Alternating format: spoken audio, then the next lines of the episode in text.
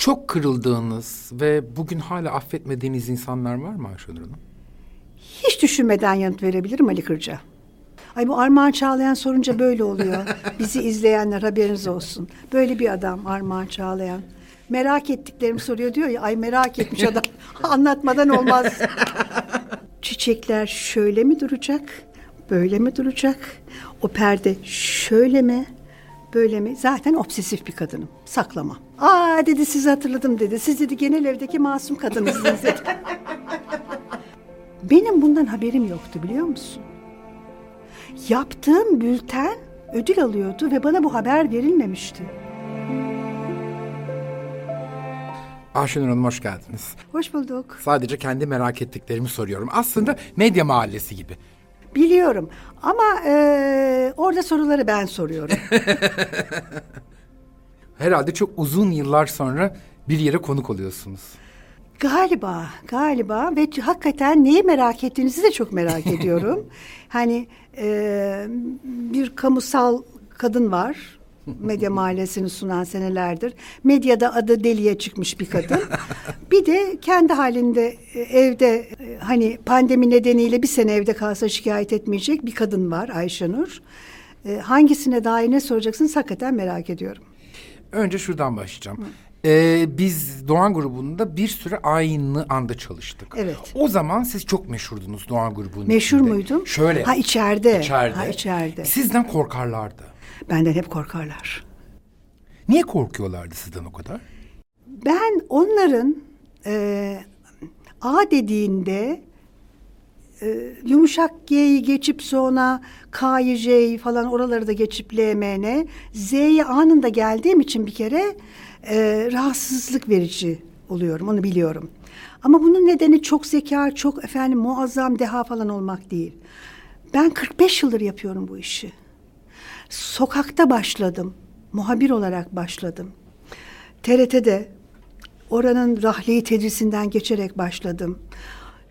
Son derece e, zor beğenen müdürlerim oldu.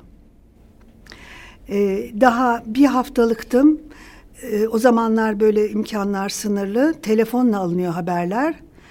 Tutuştular, tutuşturdular telefonu şurama. Dediler ki şu haberi alacaksın. Beş dakika sonra da 13 bültene yetişecek. Ve elle almak yok. Daktilo ile daktilo yazmayı bilmiyorum. Şimdi bunu niye yapıyorlardı? Bana eziyet olsun diye değil. Çabuklaştırmak ve işte eğitimin bir parçası olarak.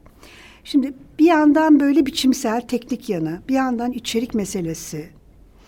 Ee, ben hakikaten e, 12 Eylül öncesi gibi zor bir dönemde içeride dışarıda çok piştim. Ee, mesela bir ara ben atıldım TRT'den. Ben çok yerden atıldım ayrıca. e, TRT'den atıldım. E, solcu siciliyle. E, İsmail Cem sonrasında. İsmail Cem'in Politika Gazetesi'ne girdim. Orada mesela zaten gündelik hayatımızın bir parçasıydı ama o günü çok net hatırlıyorum. Ankara'da Tuzluçayır diye Alevilerin bir semti vardı.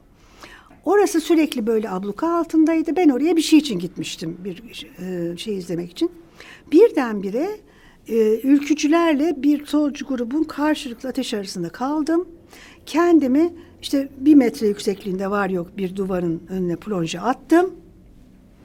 Atarken de Allah kahretsin daha e, pardesümü yeni giymiştim diye düşünüyordum. Şimdi böyle olunca e, buralardan pişip gelince çok kolay razı olamıyorsunuz. Kelimeler, kalıplar, ne anlatmak istendiğini bilmek, onun birazcık merak edip gerisine bakmak gibi bir takım şeyler arıyorsunuz. Merak yok. Ee, Türkçe bilmek e, hani öncelikler arasında yok. E, öyle olunca e, hele saate karşı yarışan bir iş yapıyorsanız elbette e, zaman zaman sesiniz yükseliyor. Ama şunu söyleyeyim ben e, en büyük zorluğu kendime yaşatmışımdır her zaman. Ben önce kendimi hırpalarım. E, hep de şunu söylemişimdir. Burada en çok çalışandan daha çok çalışıyor olmalıyım ki ben yönetici olarak. Yönetici olduğum zamanlardan söz ediyorum. Bir şey isteme e, hakkım olsun.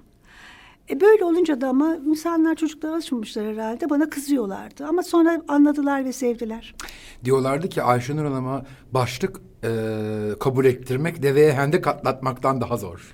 Sevgili Armağan Çağlayan gene bak benim çok hassas olduğum bir konuya gideceğim. Sene 1975. Ben 1974 sonbaharında girdim TRT'ye. 75'in bir tarafı. Daha bir yıllık muhabir bile değilim. Merkez haberler yani haberin merkezinde görevlendirildim TRT'de. Bir gün bir haber. Hiç unutmuyorum. İstanbul'da 17 yaşında bir bisiklet hırsızı genç işte dur diyor polis durmuyor vesaire ölü olarak ele geçiriliyor. Ay o kadar kötü oldum, o kadar üzüldüm ki gittim e, şefime. Şimdi çok iyi arkadaşız. Dedim ki ya çok affedersiniz ama dedim ben e, buna dedim itiraz ediyorum. Hani bacak kadar 24 buçuk yaşındayım. Neye itiraz ediyorum ama ediyorum. Bir de o zamanın zamanın ruhu diye bir şey var ya o zamanın ruhu da öyleydi. Ya dedim e, ölü olarak ele geçirildi ne demek? Bir hayat ölü olarak ele geçirilir mi Allah aşkınıza? Sonra o kalıp işte terör eylemleri bilmem ne diye devam etti. Sonra bitti şimdi etkisiz hale getirilir. Aa ne tuhaf. Etkisiz hale getiriliyor. Tam böyle çizgi film gibi pıt düğmeye basıyorsun onlar araya kalkıyor. Yo öldürülüyor. Yani şunu tartışmıyorum bile. İşte o eylemde, çatışmada bilmem ne öldürülür öldürmez onu bir kere zaten bırakmışım. Ama güvenlikçi politikalar çerçevesi tartışırız ayrı. Ama ondan geçmişim. Bir gazeteci olarak ben ölü olarak ele geçirildi diye karşım e, itiraz ederim. İtiraz etmişim yıllarca da ve e, herkesten de aynı duyarlılığı bekliyorum. Yani başlık beğendirmek zor. Evet zor. Çünkü bir zahmet şuradaki hani o Herkül Poirot'un e, Agatha Christie'nin meşhur Herkül Poirot'sunun söylediği gibi oradaki gri hücrelerimizi azıcık bir yorsak ne olur? Onlardan birkaç milyonunu harcayıversek ne olur ya? Ne demek 17 yaşında bir çocuk ölü olarak ele geçiriliyor. Biz de bunun haberini yapıyoruz. Sinirlendim. Seneler sonra yine. E, Meyde Mahallesi seyrediyorum bazen. E, sizin onu seyrederken sizin çok kontrol filik olduğunuza karar verdim ben. Öyleyim. Çünkü oturduğunuz yerden rejiyi bile yönetiyorsunuz. Şimdi bunu gir, şimdi bunu çık. Dedim ki Ayşenur Hanım çok kontrol filik. Öyleyim. Çok kibarca söylüyor Armağan Çağlayan. kontrol manyağı demek istiyor tabii ki. Evet kontrol manyağıyım. Sanki kendisi değil. Bu arada onu söyleyeyim. Şimdi şöyle kamerayı çevireceğim ben onu soracağım. Ay Armağan Çağlayan biz senin nelerini biliriz. Sen kontrol manyağı değil misin diye. Ee, evet kontrol manyağı olduğum söylenebilir ama ben evde e, çiçekler şöyle mi duracak, böyle mi duracak? O perde şöyle mi, böyle mi? Zaten obsesif bir kadınım, saklama. E, muayenehanede e, tabela, tablo düzelten, arada bir bir mağazanın girip içine ya burada mağazanın vitrine yazmışsınız ama D ayrı hayatım deyip çok yapmışımdır. Şimdi bir de benim çok e, subjektif bir e, programım var. Bülten değil. Orada ondan bunu, bundan şunu, şundan da ötekini hangi mantıkla bağladığımı bir tek ben biliyorum. Vaktim varsa bir akış veririm ki veriyorum. Başlıkları veririm ki veriyorum. Ama vaktim yoksa e, o bazen e, yayına e, geliyor. Bunun e, ekrana yansıdığını düşünmek beni çok üzüyor. Umarım herkes Armağan Çağlayan kadar dikkatli değildir. Herkes anlamıyordur ama şimdi faş oldu. ee, ama birazcık birkaç aydır biraz daha rahatım. Aman o başlıkta olur. Bu başlıkta. Aman ölümü var sonunda. Yalan dünya. Bak pandemi de var. Geldik gidiyoruz moduna. Girmemeye çalışıyorum ama arada bir izin de veriyorum kendime. Evde de hayatınız o zaman çok zor Ayşenur Hanım. Belli ki titiz, hastalık derecesinde titizsiniz. Ya hastalık değil. Hastalık derecesinde değil. Ona ama yakın. Fakat çok saçma gelecek ama bazen şöyle düşünürüm. Bir gün gözlerim görmeyecek olsa ben bu evde ne, neyin nerede olduğunu biliyor olacağım. Hey. her şeyin yeri olmalı. Evet her şey o kilim şöyle duracak, işte bu böyle duracak falan filan. Ama mesela şu yok bende. Aman ayağına girme. Aman ona dokunma yok. Hayır. Ayaklarıyla girerler, elle işte ona dokunurlar, bunu dokunurlar. Herkes gittikten sonra ben onu tekrar hizaya sokmasını bilirim. Ee, kilimi, işte perdeyi vesaireyi. Hastalığa ramak kala kendini kontrol etmeye çalışan kontrol manyağı. Teşhis bu. Sizle aynı evde yaşamak zordur o zaman. Ben çok titiz bir annenin çocuğu olarak biliyorum. Öyle ki çok- misin? evet. Ha. Ben ama oğlum dağıttığında çok şey yapmazdım, titizlenmezdim ona o kadar. Yani benim e, titizliğim kendime. E, kendime yatak odamda bir habitat kurmuşumdur. Mesela orada ha böyle her şey. Ama onun ötesinde evde dediğim gibi işte e, hani çorap nerede bıraktığın yerde çıkardığın yerde bir hali vardır ya. Öyle olmamaya çalışırım çünkü bunun e, karşımdakine bir e, sıkıntı e, getirdiğini bilirim. Olmamaya çalışırım. Ben e, oraya basma halının ve yazının üstünden atla. E, öyle büyüdüğüm için şimdi dağınık bir adamım mesela. Hmm, benim oğlum gibi. Ama ben ona o kadar demedim. De e, biraz işte ne bileyim ben. Biliyorsunuz bir arkadaşı Müjdat Gezen'e bir gün sinirlenmiş. Demiş ki Müjdat git şu salondaki pencere var ya bir aç onun perdesini. Açtım. Ne görüyorsun işte cami. O caminin minaresi eğri biliyor musun demiş. Müjdat yanılmıyorsam taşındı oradan. Evet taşıntı. E biraz tabii ne yapacaksın böyle hani arızalı arızalar oluyor ama çok şükür yalnız yaşıyorum. Ayşenur Hanım aslında siz Türkiye'nin medya sosyolojisini ve medya tarihini bilen de bir insansınız. Kaç Hem de yıl- nasıl. Kaç yıldır yapıyorsunuz? 74'ten bu yana yani 46 yıl oldu. Ee, şu anda mesela medyada bir yerlerde olan pek çok kişinin şu kadar kısa pantolonlu halini biliyorum. Ee, bir zamanlar abla diyenlerin daha sonra Ayşe Nurcum diye bana emir verdiği sahnelerde yaşamışızdır. Her şey olmuştur. Gerçekten TRT, özel televizyonlar, özel televizyonun ilk yılları, gazeteler, Nokta Dergisi benim hayatımın en mutlu olduğu dönem. Ee, bir ara işsiz kaldım. Erocinsel Bilgiler Ansiklopedisine İtalyancadan tercüme yaptım. Yarısını da uydurdum. Eyvah bir dönem Türk gençliği o cinsel fantezi Son- şey, ansiklopedistle büyüdüyse Yaraladım. Oğlum yazık arkadaş eve geleceği zaman yatağın altına saklardı onu. Oğlum niye utanıyorsun ekmek parası diye. Ee, yani yapmadığım şey kalmadı gerçekten. Ee, bir sinema e, filmi senaryosuyla ödülüm var. hangisiyle? Ee, Ölür Ayak e, filmiyle. Ee, sonra senaryo ödülü aldım. Film başka bir şey oldu gitti. Hiç haddim olmayarak bir seferliğine bende fotoğrafı bile olmayan bir tiyatro oyunu yazıp sahnemiş, sahnelemişliğim var. Ee, Sevgi Soysal'ın ölümünün birinci yıl dönümünde onun Yıldırım Bölge Kadınlar Koğuşu e, oyunundan hareketle e, böyle hani hani hoppidi hoppidi zıplaya zıplaya medyanın her tarafında gittim geldim. Her çiçekten e, bir bal aldım. E, falan işte Bu zaman zarfında en mutsuz olduğunuz o kısım neresi? Ya e, çok var aslında, çok var ama galiba 2009-2010 yıllarında bu Ergenekon, Oda TV, Balyoz vesaire başladığında Kanal D Haber'in başındaydım ben. e, Mehmet Ali Birand'ın sunduğu ana haber bülteni için. Orada e, çok tuhaf şeylere maruz kaldık, tanık olduk. Ve e, Neticede çünkü hem etik, doğru haber, düzgün haber vesaire onları geçiyorsunuz bir noktadan sonra da insan hayatları ortada. Yani şimdi ben Yalçın Küçük'ü sene 1976'dan tanırım. Yalçın Küçük'le kim olduğunu iyi bildiğim evet işkenceden ben sorumluydum diyen vaktiyle diyen Hanefi Avcı'nın aynı dosyadan Silivri'de içeri atılmasını anlamlandıramıyorsunuz ama biliyorsunuz.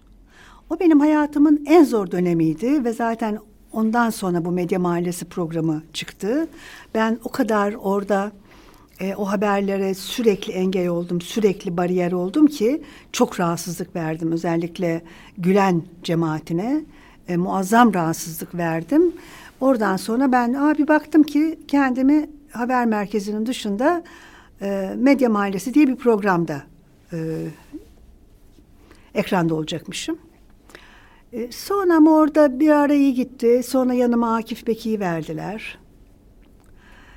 Akif Beki ile ay çok zor zamanlardı sahiden. Sonra Akif Beki bana küstü. Özür dile dediler. Allah Allah niye özür dileyeceğim ben bir şey yapmadım ki dedim. Özür dilemezsen bu program yok dediler. Olmuyor dediler. Siz bilirsiniz dedim. Öyle de bir maceraydı ama ben TRT'den de kovularak başladığım için e, mesleğe e, çok da hani çok da umurumda olmadı açıkçası hiçbir şey. Hep gazeteci olmak mı isterdiniz Ayşenur Hanım? Yoksa Yok. tesadüfler mi getirdi? Yok şöyle benim hayatım doktor olmayı hayal etmekle geçti. Çok isterdim ve cerrah olmayı. Çocukken bir oyuncak bebeğim vardı. Ben onu hayali ameliyatlar yapardım. Sonra e, Van'da e, babam görevliyken bir e, dostumuzun, komşumuzun oğlu e, bacağı kırıldı ama e, bayağı kötü kırıklı ameliyat olması gerekiyordu. Ben böyle ameliyathanenin penceresinden küçücük bir yerde o zaman. Bakarken doktor gör no, ne dedi? Bakıyorum dedim. Gel gel dedi. Sen meraklısın galiba dedi. Evet dedim. Elime şeyi tutuşturdu. Böyle bir çay süzgecinin büyüğü gibi bir şey içinde e, pamuk, eter. Bayıltma işlemini bana yaptırdı. Sonra ben orada gene o hastanede daha sonraki bir şeydi. Üç tane otopsiye katıldım. Bir kadın, bir erkek, bir çocuk. Kaç Tesadüfen. yaşındasınız ki bunları yap? Kaç yaşındasınız o zaman? E, lisedeydim. Lise bir falandım. Sonra üniversitedeyken annem kaza geçirdi. Hastaneye yattı. Doktor ahbabımızdı. 11 ameliyat seyrettim. E, biri de masada kalmış. Ben şöyle anladım onu. E, masada kaldığını, öldüğünü. Hemşire hanım dikişi e, yat. Sonra öbür tarafta rahmetli bizden şikayetçi olmasın dedi. Aa öldü mü dedim öldü dedi. İnsan bedeni o kadar büyüleyen bir şeydi ki beni. Hani hayat nerede başlıyor, nerede bitiyor? Şey böyle metafizik bir şeyden söz etmiyorum ama. Ee, beynin sınırları vesaire bütün bunlarla geçti çocukluğum ve e, ilk gençliğim. Hatta tıbbı kazandım ben. Fakat o sene babamla bir inatlaşma yaşadık. Ee, babam çünkü bana bütün lise e, eğitimim sırasında kitap okumayı yasakladı. Ha, ders çalışılacak. Ben kitap okumak istiyorum. En sonunda kendime dedim ki lise sonunda ben bir sene sınıfta kalacağım, bir sene evde oturacağım, kitap okuyacağım. Çünkü ara sınıfta olursa sınıf tekrarı var. Lise sonunda evde oturabiliyorsun. Bir sene evde oturup kitap okuyacağım diye lise sonunda dersi bir saldım. Tıbbı kazandığım halde tıp hayal oldu. Sonra İtalyan filolojisi tamamen bir rastlantı. E, come va, va bene, grazie e tu. Nokta. Yıllar sonra artık geriye bir şey kalmıyor. e, babam bir gün dedi ki ya TRT e, bir şey alacakmış dedi. Redaktör muhabir alacakmış dedi. Hani muhabir alınız ki redaktör ne acaba? Bir sınava gireyim bakayım dedim. Yazılı kurs, bir yazılı daha sonra özel mülakat teke tek. Dört bariyerden sonra hiç ummadığım bir şekilde geçtim. Tabii o bir sene okudum ya. Çok ciddi söylüyorum o bir sene öncesinde de gizli gizli okurdum yatağın içinde fenerle. Onların belki sonunda ben şeye inanırım. Ee, oğlumda da öyle yapmaya çalıştım. Benim oğlum müzisyen. Ee, kompozisyonu, klasik kompozisyon okudu. Ee, onda ben o böyle ateşi gördüğüm anda hemen harladım o ateşi.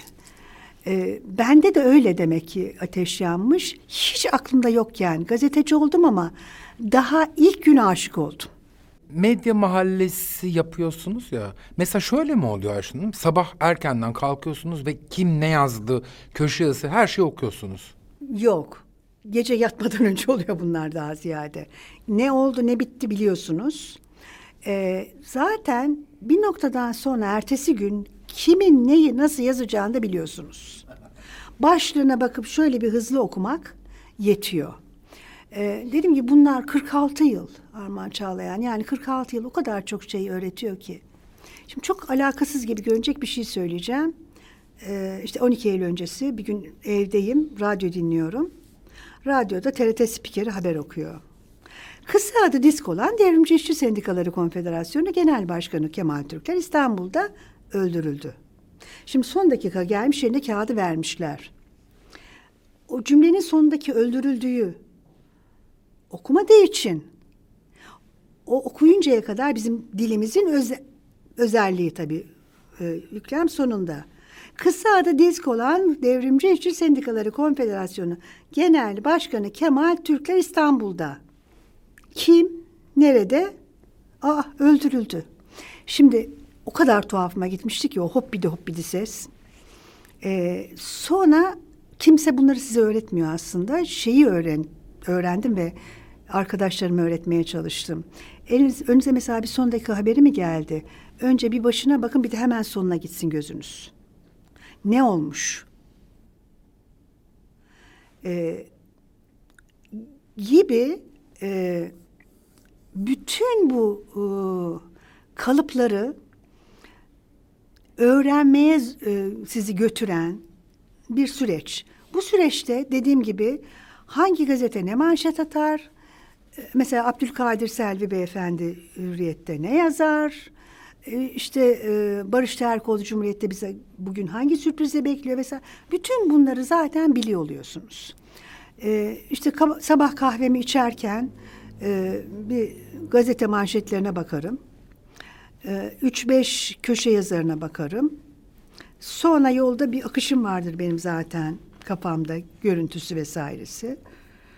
O e, çerçevede e, belirmeye başlar kafamda programın akışı. Ben programı kafamda önce izlemeye başlamış olurum.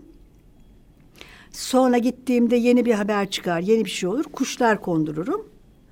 Arada da muhakkak şöyle şeylerim ihtiyacım oluyor. Mesela seyirciyi güldürecek bir an olsun. Hadi da hadi da da da. Öyleyken böyle bak neler de yaptılar neler. Aa ben olsam deliririm. Yani ben beni seyretmem o zaman. Arada böyle komik görüntüler olsun isterim. Arada benim Güney Koreli lokumlarım, lollipoplarım, BTS'i uysa da uymasa da bir vesileyle vermeye çalışırım. Ee, gibi gibi böyle çok dediğim gibi subjektif, çok öznel bir bakış açısıyla bir şey yapmaya çalışırım. O nedenle de zavallı yönetmenleri arada uzaktan uzağa şöyle çekiştiririm. Bu 46 yılda çok kırıldığınız ve bugün hala affetmediğiniz insanlar var mı Ayşe Hanım? Hiç düşünmeden yanıt verebilirim Ali Kırca. Aa, Evet. Hiç düşünmeden. niye? Ben bunu defalarca yazdım ve anlattım. Yazacağım anılarımı yazıyorum. Ee, şu nedenle Ali Kırca benim için e, iş arkadaşı falan değil bildiğin kardeşti.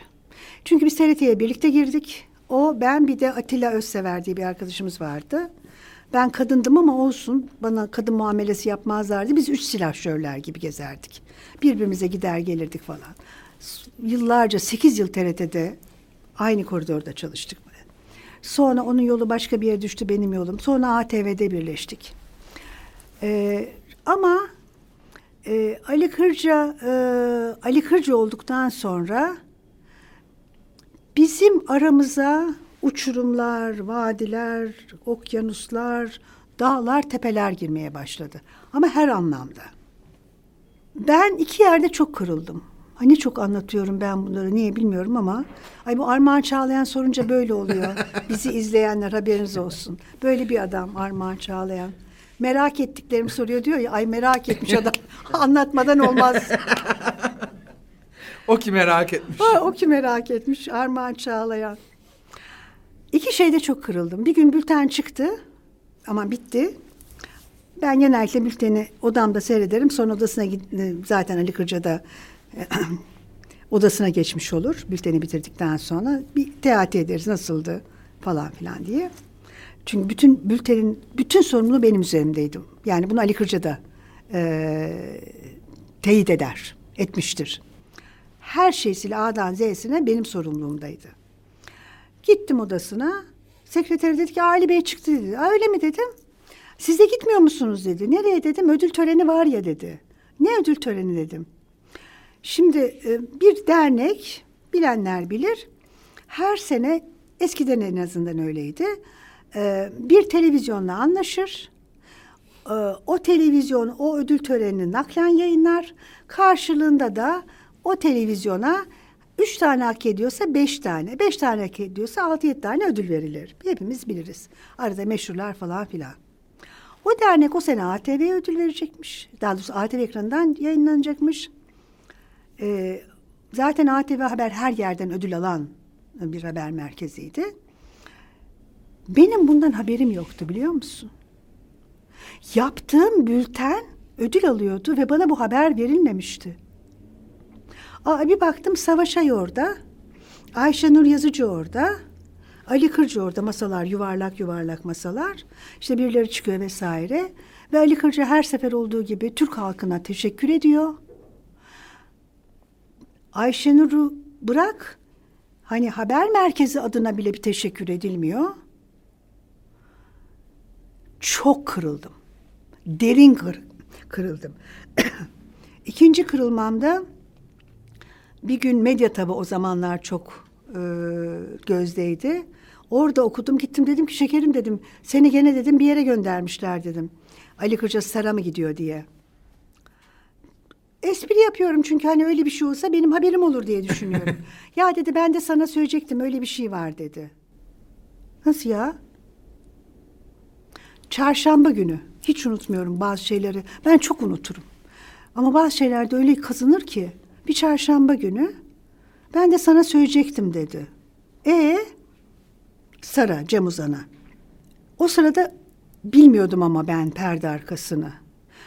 Biz bunu hemen konuştuk. İşte e, daha çok para verecekler bize. O sırada Dinç Bilgin zor durumda batıyor. Belki maaş alamayacağız. Zaten bir buçuk aydır çeyrek maaş alıyoruz falan. Arabalara benzini ben cebimden para veriyorum. Çok kazanıyormuşum gibi bir şey bir şey. Ee, ama buna rağmen dedik ya gitmeyelim. Yani Cem Uzan çünkü neticede.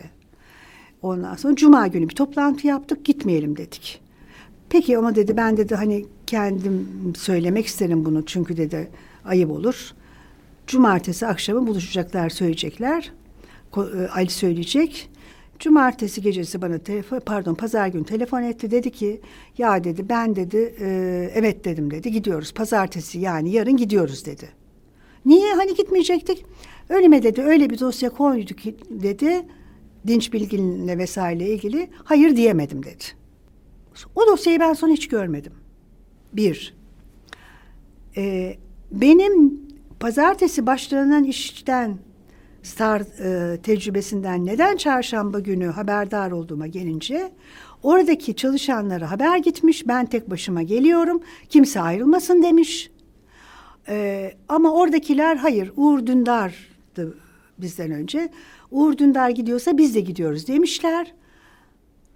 Kimse kalmayınca orada zaten evet ben de söylemek üzereydim noktasına gelinmiş falan. Bütün bunlar e, bana fena geldi. Çok açıkça söyleyeyim. E, saklamadım da. Ne ondan sakladım ne çalışma arkadaşlarımdan. Hatta e, köşeye yazısı yazdım gazetelerde e, ya da dergi gazete söyleşilerinde. Hiç saklamadım. Çünkü biz e, kamusal bir şey yapıyoruz. Seyirci için bir şey yapıyoruz. E, bunları seyircinin de bilmeye hakkı var diye düşündüm. Peki çok kızdınız ama çalışmaya devam ettiniz. Şöyle hep vardır ya hani boşanamayan karı kocalar gibi. O kadar eski ka- kardeşim diyorum ya. e, oğlu doğduğunda ben aklımı kaçırdım. Ali'nin oğlu doğduğunda. Hmm, Bir yıl sonra da zaten e, ben evlendim ve oğlum doğdu. Biz her gece birbirimize gidip ya da haftada üç gün sırayla iki günde birbirimize gidip gelen üç arkadaştık. Sonrasında çok yakın sırdaş olduk, çok yakın iş arkadaşı olduk. Kolay kolay atamıyorsunuz. Kesemiyorsunuz. Yani e, onun ekrandaki namusu da benden sorulur oldu. Böyle bir şey yüklendim. Atamadım. Ama sonunda şuraya vardı iş. Şöyle boşandık. Ee, Star'a gittik evet. Bir süre sonra Ali Star'dan ayrıldı. Orada da ben metafor olarak hep şunu anlattım. Biz beni çoluk çocukla bıraktı gitti adam diye. Ondan sonra zaten biz e, ayrı dünyaların insanı olduk. En son noktada şu oldu. E, Ali Kırcı yaklaşık iki sene e, sonra zannediyorum ATV'ye geri döndü. ATV'ye döndüğünde o sıradaki genel müdüre demiş ki ben zaten Sar'a gitmek istemiyordum. Arkadaşlarımın ısrarıyla gittim demiş. en az 50 küsür e, tanığı var o toplantının. Başta ben hepimiz gitmeyelim dedik. Yani bir kişi iki kişi arasında cereyan etse neyse. Ben de e, sizin kadar değil ama e, bu medya dünyasında deneyimli sayılırım. E, sizin yarınız kadar çalıştım ben 26 yıl. Hani bu da Oo, bu da medya Nice yıllara bayağı çok olmuş. bu da zaman. medya sayılırsa işte 27 28'e gidiyor. Acayip bir ayak oyunu döner ya Ayşenur Hanım. Mesela nasıl e, onlarla baş ettiniz? Bir yöntemi var mıydı? Yoksa şöyle mi? Başarılı olunca da istedikleri kadar ayak oyunu yapsınlar mı? Ya ikisi birden aslında. Yıllar önce e, bir e, panelde ben medyadaki duruşumu anlatmaya çalışıyorum. Şöyle bir metafor kullandım orada. Ben bayılırım metaforlara. Çok iyi anlatırlar gerçekten. Hani dedim eski Türk filmlerinde mesela Türkan Şoray böyle kirpikler, bir karış pudra, fondöten, makyaj, böyle böyle saçlar, kıpkırmızı rujlar, bir pavyonda sigara dumanları, sigara sağlığa zararlı, e, arasında, altında, erkeklerin aç bakışları altında şarkı söyler ama bakiredir. Ben de dedim kendimi öyle hissediyorum dedim. Ben pavyondaki bakire gibi hissediyorum kendimi dedim. Yani bir ton evet boya sürüyorum orama burama. O dumanlar siniyor üzerime. Kötü kötü kokuyor belki. Ama bakire kalmaya çalışıyorum dedim. Ee, Uğur Dündar vardı yanımda bir not yazdı. Dedi ki yarın dedi bak dedi bu panel dedi böyle konuşulacak dedi. Hakikaten öyle oldu. Ayşenur Arslan pavyondaki bakireyim dedi. bir sene sonra bir rektörle karşılaştık o paneli izleyen. Aa dedi sizi hatırladım dedi. Siz dedi genel evdeki masum kadınısınız dedi. Ay. Dedim ki hocam daha oraya gelmedik. ben miyim söyleyen bir sene sonra Star'a gittik. yani benim hep duruşum öyle oldu. Elbette kirleniyorsunuz ama olabildiğince bakire kalmak için elinizden geleni yapmalısınız. Ee, kelimelerinize dikkat ederek, e, haber öznesine saygı duyarak, yalan söylemeyerek e, ve en önemlisi yönetici olarak da her şeyi arkadaşlarımla şeffaf biçimde paylaşarak. Böyle yapıyoruz çünkü. Bunu böyle e, eğiliyoruz zira. E, olabildiğince şeffaf olarak. Ayşenur Hanım, eğer e, CNN'de yönetici olsaydınız, bu soru cevap programında kıza yapılanı gördünüz mü? Şevale mi? Evet. Ay ne ayıp. Mesela Ay onu ne ayıp ya. mıydınız? Asla. Bir kere e, ben o kızın çağrılmasına da karşı çıkardım. Neden? Çağırsanız da başka bir şey. Oraya o kızın çıkarılmasının nedeni zaten hırpalanmış bir figür olarak hadi gel hazır dayak mevsimi açılmışken biraz daha dayak atalım demek için. Yani bakıyorsun CV'sine çocuk 6 yaşından beri İngiltere'de İngilizce ana dili branch diyormuş. Tabii ki branch diyecek çocuk. Ee, şimdi ben o soruları soran ya da o soruları yazıp eline verenleri şu önüme çeksem bir o soruda onlara sorsam. Sen işte efendim e, Abdülmecid Efendi ne yap efendi dediğim sultan padişah Tabii ki söz ediyorum da. Abdülmecit bunu niye böyle yapmış? Abdülhamit çocukluğunda nasıl bir travma yaşamış da sonra buraya gitmiş? Hayatı ve Osmanlı'nın e, tarihi diye sorsam. Bir e, sözcüğün kökenini ona sorsam cevap verebilir mi? Ya, sen ona cevap veremiyorsan ne akla bir kızcağız biz yani çok e, e, karşısındaki kadın olmasa e, bir tür tecavüz benzetmesi yapacağım. Neyse ki kadın ama o kadının sordukları da e, ve bir de şöyle bir bak cevap veremedi sayın seyirci görüyor musun halleri de beni çok rahatsız etti. Gerçekten çok üzüldüm ya. Yani e, Yurt dışına geri Ay Berat gidiyormuş kız. Albayrak dolar sorusu soramayan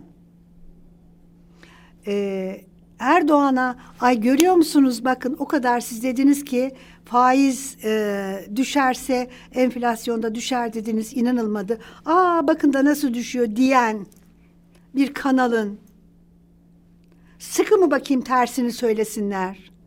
Gidip de o kızcağız Şevval denen kızcağızı saldırısı hakikaten saldırıdır benim için. Bu çalıştığınız kanalda yani Halk TV'de e, bir kapatma mevzusu yaşandı. Galiba Evet. sizin program yüzünden Ay, oldu evet değil mi? ya. Çok üzüldünüz mü? Ya gerçekten çok üzüldüm. Biraz dinlendiğim için hoşuma gitmedi. Ama çok büyük bir sorumluluk ya. Hakikaten çok büyük bir sorumluluk. Ee, Mesela şimdi size bu otosansür olarak geri döndü mü Ayşe? Hem de nasıl. Hem de nasıl. Geçen gün şöyle bir şey yaptım. Ee, konuğum AKP MHP faşizmi dedi. Şöyle döndüm.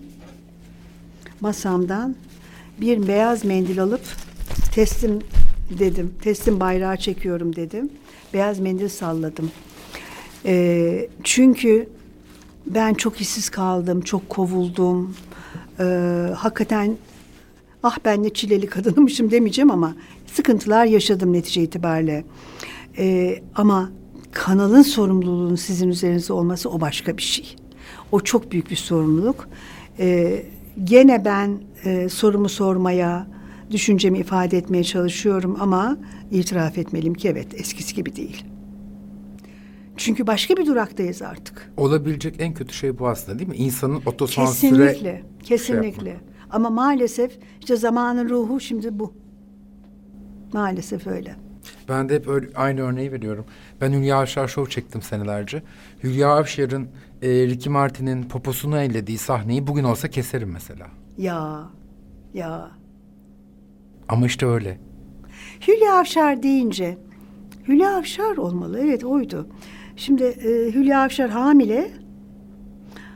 Ay ne kadar çok yıllar geçmiş üstünden. Evet. Röportaj yapılacak bir vesileyle. Ekip gitti. O sırada çok şey de vermiyor. Geldi. Şuradan aşağısı yok. Ben bir sinirlendim. Dedim ki ya kadın hamile ilk defa görecekler kocaman karnıyla. Ee, niye dedim çekmediniz dedim. istemedi abla dediler. Olur mu kardeşim dedim falan. Ben bir sinir yaptım önce. Sonra zavallı kameraman baş önde giderken ay birden kafama küt diye vurdum. Kendi kafamı vurdum. Dedim ki gel. Çok özür dilerim senden. Doğrusunu yapmışsın. Ben şimdi bir haberin heyecanla ya da bir görüntünün heyecanına gelip de senden çok saçma bir şey talep ettim ve olmadı diye de e, üzüldüm, bozuldum. Sen çok haklısın, özür dilerim dedim. E, gerçekten bunlara zaten dikkat eden bir insanım.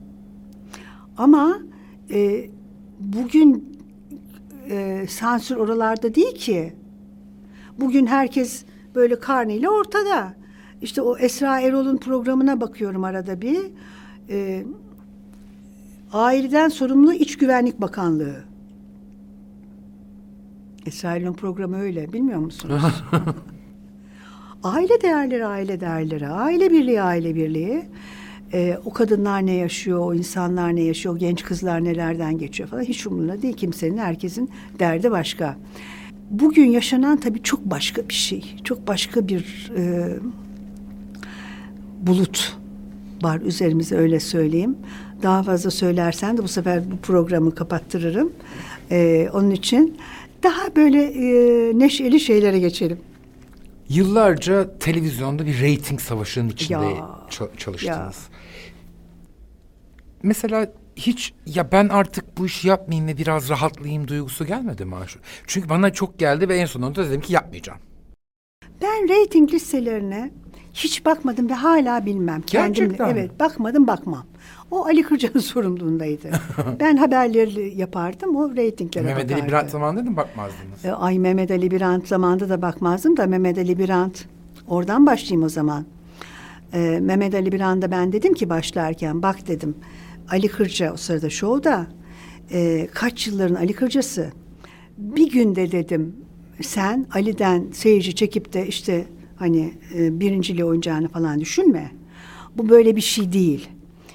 Panik yaparsan, e, raydan çıkarsan kaybedersin dedim. Sanki dememişim. Daha ikinci günden itibaren neden böyle oluyor, neden reyting yok, neden böyle, neden şöyle sağlık haberi yapalım. Neden? Çünkü şova bakıyorlar. İşte şurada yükselmiş. Neden sağlık? Sanki zannedersin ki seyircide sağlık haberi dedektörü var. Rüşt, buraya gidelim sağlık haberi veriyorlar. Şimdi burada rüşt, burada sağlık haberi Ama var. öyle oluyor. Hayır canım seni beğenmezse gidiyor ya da neyse oraya gitmişken gidiyor. Birebir değil bunlar. Ben de hani az buçuk bu kadar senenin sonrasında biliyorum. Şey olacaksın hani tutarlı olacaksın kararlı olacaksın. Yolundan sapmayacaksın. Aa, bir ant e, ben dedi başarısızlığa tahammül edemiyorum. E, rating istiyorum dedi. Sonra sen dedi e, magazine falan da karşısın zaten senden rating olmuyor dedi. E beni e, balkona aldı. Yerine başka birini getirdi. Bir gün ekranda ben tabii yani erkenden çıkıyordum. Nasıl aslında istifa etmeye kalktım. Arzuhan Doğan Yalçın daha geldi. Lütfen biraz sabredin aklı başına gelecektir diye. Tamam peki dedim istifa etmedim. Ee, ve neticede e, hakikaten e, bir noktaya geldi. O nokta şuydu. Dışarıdan dediğim gibi seyrediyorum evden. Aa. Kanal D ana haber bülteninde Seda Sayan ve nişanlısı Nihat Doğan. Nasıl yani? Şimdi Seda Sayan ve Nihat Doğan'ı mesela ben bilirim. Ben magazini de bilirim. Seyrederim. Müge Anlı'yı da mesela şimdi seyrederim ben. Çünkü onlar da hayatın başka damarlarıdır ve başka şeyler anlatır. Biz hatta bu ülkenin bir fotoğrafını sunar bize. Fakat Mehmet Ali Birant bilmez. Yani o Brüksel'den buraya zaten zor gelmiştir. Bu, Nihat Doğan kim bir fikri yok. Seda Sayan'ı da bir, birkaç herhalde pro- şeyde görmüştür hani e, kokteylde mokteylde. Hele o ikisi bir arada. Yani düşünebiliyor musunuz? Orada dibe vurdu. Bunun üzerine dedi ki sen gel. Tekrar ben geldim tekrar. Biz sıfırdan seyirci güveni kazanarak e, bir şeyler yapmaya çalıştık. Ama bu arada neler oldu? Mesela toplantı yapılıyor. Sağlık haberi lazım ya bir arkadaş öneriyor. İHA'da görmüş.